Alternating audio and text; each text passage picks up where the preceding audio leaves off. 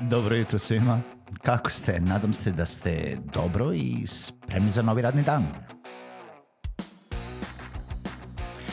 Pozdrav svima i dobrodošli na podcast Male pobede, stari novi podcast koji, well, koji je tu da bi vam kroz pitanje i savete dao motivaciju, pokrenuo vas u pozitivnom smeru i pomogao da ovaj dan počne bolje, jače i možda čak i zabavnije. Moje ime je Željko Crnjaković.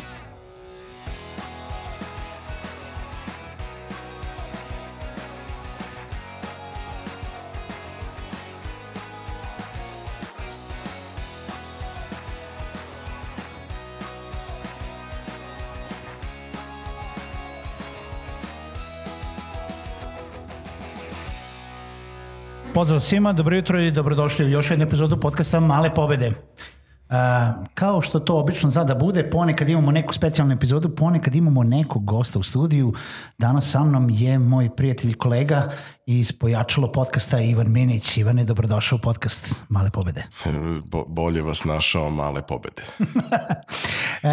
nećemo da ulazimo u neke posebne priče o tome šta si radio kad si bio mali, kako si postao ono što si postao, pošto si postao mnogo stvari. Jel da i neć, mislim, 20 negde sam krenuo da čitam i onda sam gledao da li imaš 20 godina iskustva u nečemu ili imaš oko 20 godina, ali imaš malo više od 20 godina života. Pa, pazi, ove godine 35, s tim da sam ja realno počeo da radim negde na drugoj godini srednje škole, a da sam na kraju ovaj, u četvrtoj godini srednje škole i prešao na vanredno da bih radio full time, tako da u principu 18 do 20 godina bližimo se 20. staža. godini.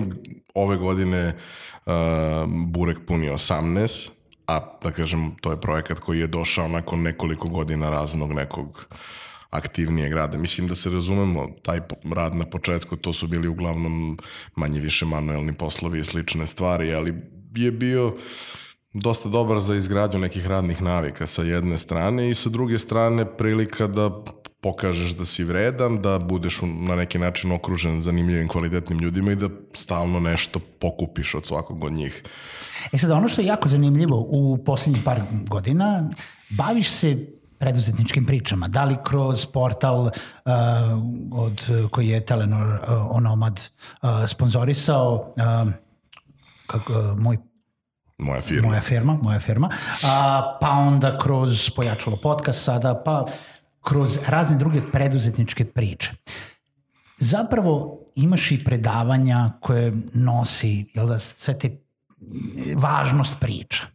Šta je važnost storytellinga? To sam hteo za ovu epizodu podcasta Male pobede. Šta je važnost storytellinga, a šta čini dobar storytelling? Pa znaš kako, mislim, vrlo je teško to mapirati na nekakav način inženjerski, mada nakon nekog vremena i nakon dovoljno iskustva ti napraviš sebi nekakav algoritam kako dobiješ priču koja ti treba, ali mislim da je primarno značaj storytellinga pripovedanja generalno um, davanje mogućnosti nekoj priči da zaista bude dovoljno vidljiva i primećena. Zato što vrlo često na najneobičnijim mestima sa najobičnijim ljudima ti možeš doći do nekih potpuno neverovatnih stvari. Samo prosto niko ih nije tamo tražio i nikad niko nije pitao nešto tako. Kad kreneš malo da kopaš, shvatiš da zapravo mnogo toga zanimljivog se dešavalo i dešava, a da ljudi često nisu svesni toga jer to nije imao ko da ispriča. I ja sam negde uh, nakon godina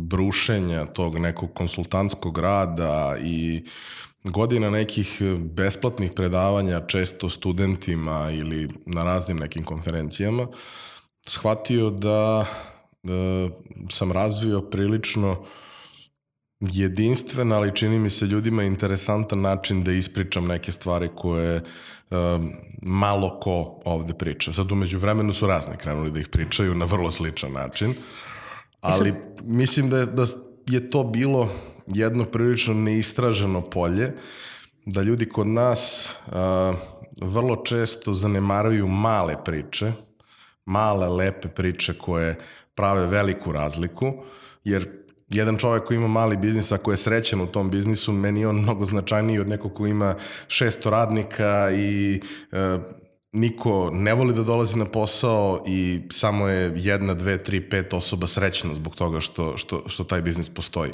Ovde vidimo nešto što daje priliku ljudima koji su nesrećni sa onim što rade u životu da nađu sebi jednu malu oazu i naprave nešto zbog čega će biti srećni i zadovoljni u životu nekako znaš, kad napuniš 32, 3, 4, 5, 6, 7, 8 godina, to počinje da ti biva bitno.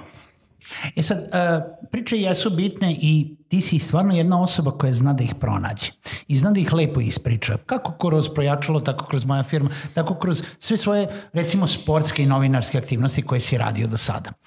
Um, ali kako recimo kroz podcast Male pobede želimo da pomognemo i preduzetnicima. Znamo da je storytelling bitan za nas same, zna, bitan za naš biznis.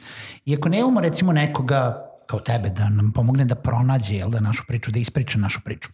Kako?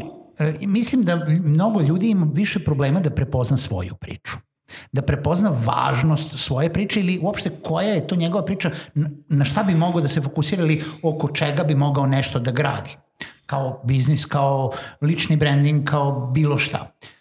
Šta imaš da kažeš za, recimo, za nekoga ko bi jel, trebao da uradi neku retrospektivu sebe? Znaš kako sam ja krenuo da, da pričam priče? Tako što sam jako puno čitao zanimljivih priča. E sad, ja nisam onaj lik koji, ovaj, meni su to govorili kad sam bio klinac i jako sam bio veliki protivnik toga da moraš jako puno da čitaš da bi mogao dobro da pišeš i to, to apsolutno da, ne mislim da je tačno. Da ovaj, naročito kad ti nameću nešto što u suštini ne želiš da čitaš i ne zanimate. Ali e, to je e, jako rep, lepo rekao e, Laza Džamić kad je bio kod mene u podcastu, uh, morate da se potopite u dobre priče da biste mogli da ih pričate. To znači da gledate dobre serije, čitate dobre tekstove, slušate dobre podcaste i vremenom se to primi vremenom uh, prevaziđaš kod sebe taj strah da to što ćeš napraviti, napisati neće biti dovoljno dobro, odnosno shvataš da neće biti dovoljno dobro prvi put, ali možda peti put će već biti dosta bolje.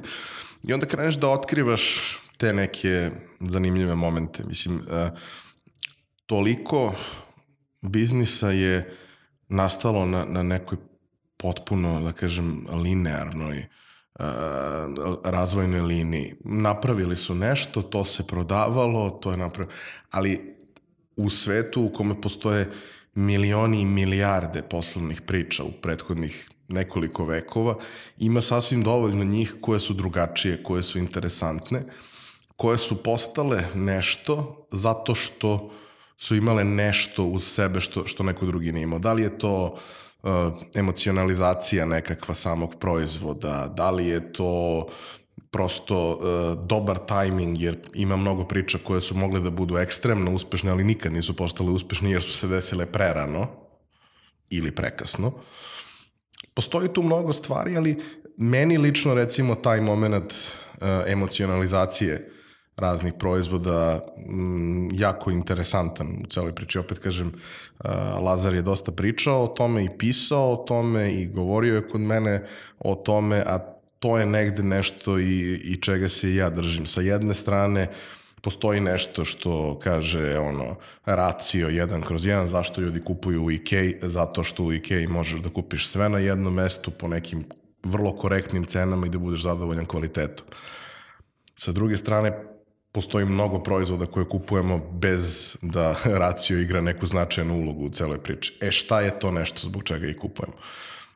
E, I sad, super je, znači u principu treba da se uronimo u priču, treba da slušamo ili čitamo ili na neki način e, budemo utopljeni u tuđe priče da bi znali sami da ih pričamo.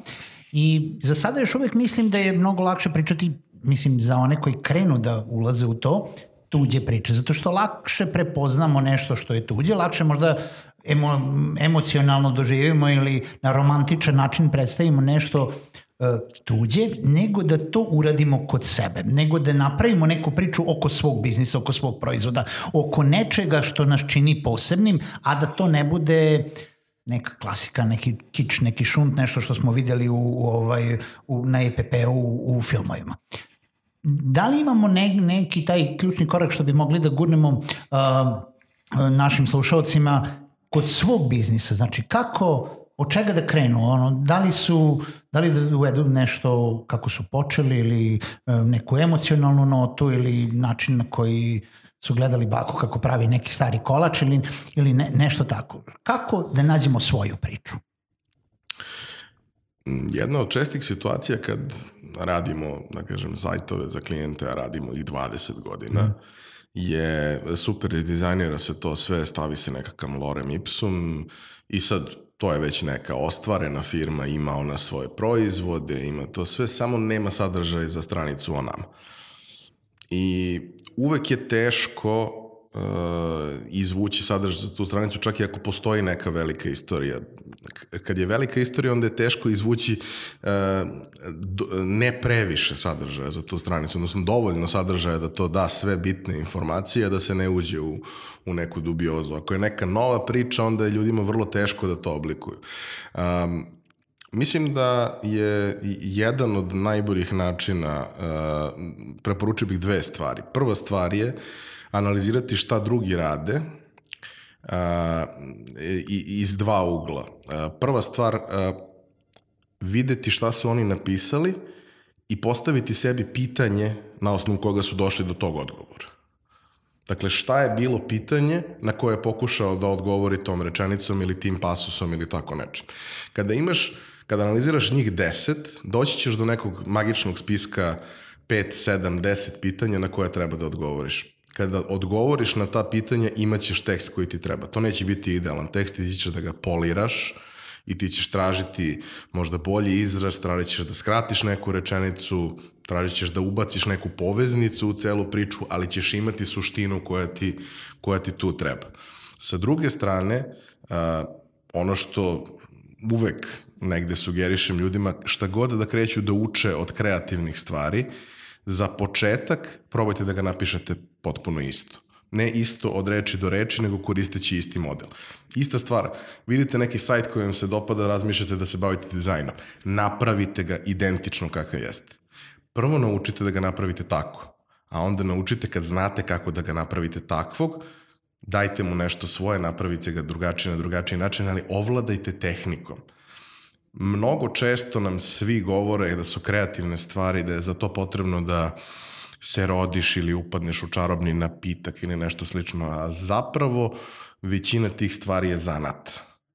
A jedini način da budeš dobar zanatlija je da imaš jako mnogo toga u prstima, da si jako mnogo toga uradio. I da, talenat je svakako bitna stvar i mnogo je lepše i lakše raditi kad imaš talenat. Ali talenat posle nekog vremena prestane da bude bitan. Da, mi nikad nećemo moći da uradimo neke stvari koje neko ko je ekstremno talentovan za to može, ali i ne moramo.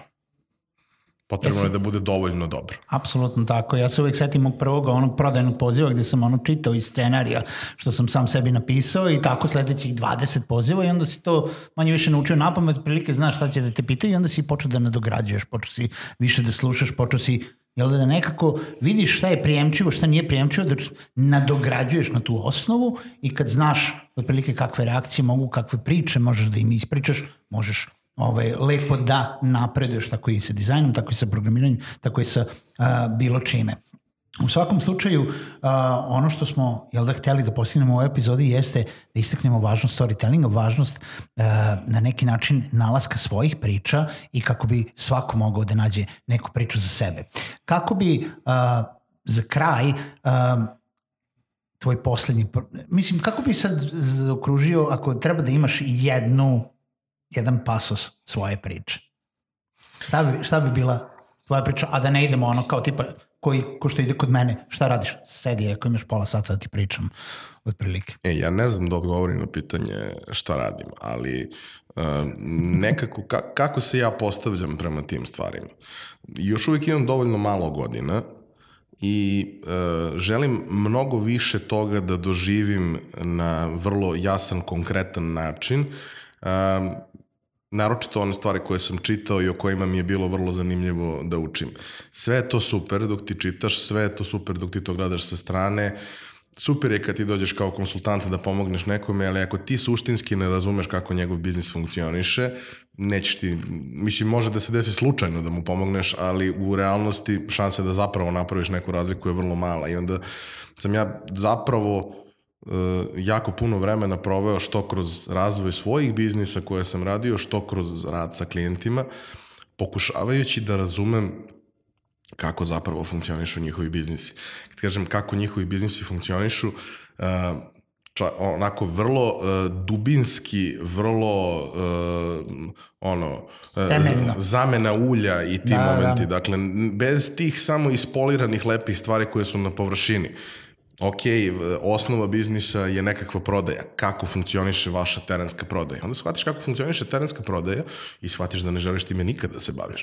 Ali uh, mnogo je dobro da razumeš uh, kako stvari funkcionišu, jer možda u nekoj od njih, ako si bio e, takav ceo život da skupljaš kao horder znanja i iskustva, čitaš priče, slušaš priče, slušaš razne najčudnije moguće stvari iz najrazličitijih oblasti i onda ti se u jednom trenutku kad neko kaže nešto upali sijelica i poveže to sa nečim potpuno 50 što si čuo ko zna kad i nema nikakve veze sa time, ali možda može da radi. Ja nekako verujem da je to kreativnost. Znaš, nalaziti nekakva rešenja koja apsolutno ne nisu na, na vrh prsta ili na, na, na pameti kao prva, nego 99% ljudi ne može ni da zamisli da mogu da funkcionišu, a ona su zapravo idealna za, za to što ti treba. Super. U svakom slučaju i dalje otkrivaš svoju priču i dalje ima još mnogo priča koje verujem da ćeš vezati u nekom svom biznisu. Ivane, hvala lepo što si bio u gostu ove emisiji Malih, Malih pobeda. Hvala tebi na pozivu, nastavi da guraš, ja zaista uh, jako podržavam sve inicijative koje su da kažemo kvalitetan sadržaj u audio formatu, naročito ove varijante daily, kva, kratkih formi, jer mislim da je jako dobro imati nešto neopterećujuće sa čime počinješ dan ili završavaš dan, napraviti sebi nekakve vrlo korisne i ispravne rituale, jer, znaš, uh, kako počneš dan, takav će ti biti ceo dan. I mislim da, ono, ako ne možeš sebe da nateraš da ustaneš iz kreveta, definitivno nešto treba da, da, da, da promeniš. Jedna od stvari zbog kojih ćeš možda želeti da ustaneš iz kreveta je da čuješ narednu priču. To meni zvuči kao sasvim ok plan za početak, pa onda sad ostatak dana imaš da nađeš nešto svoje, ovaj, da, da preguraš do sledećeg dana i sledeće priče. Hvala lepo na lepim rečima, a slušalci čujemo se u sledećoj epizodi Malih pobeda uvijek mi ode jezik.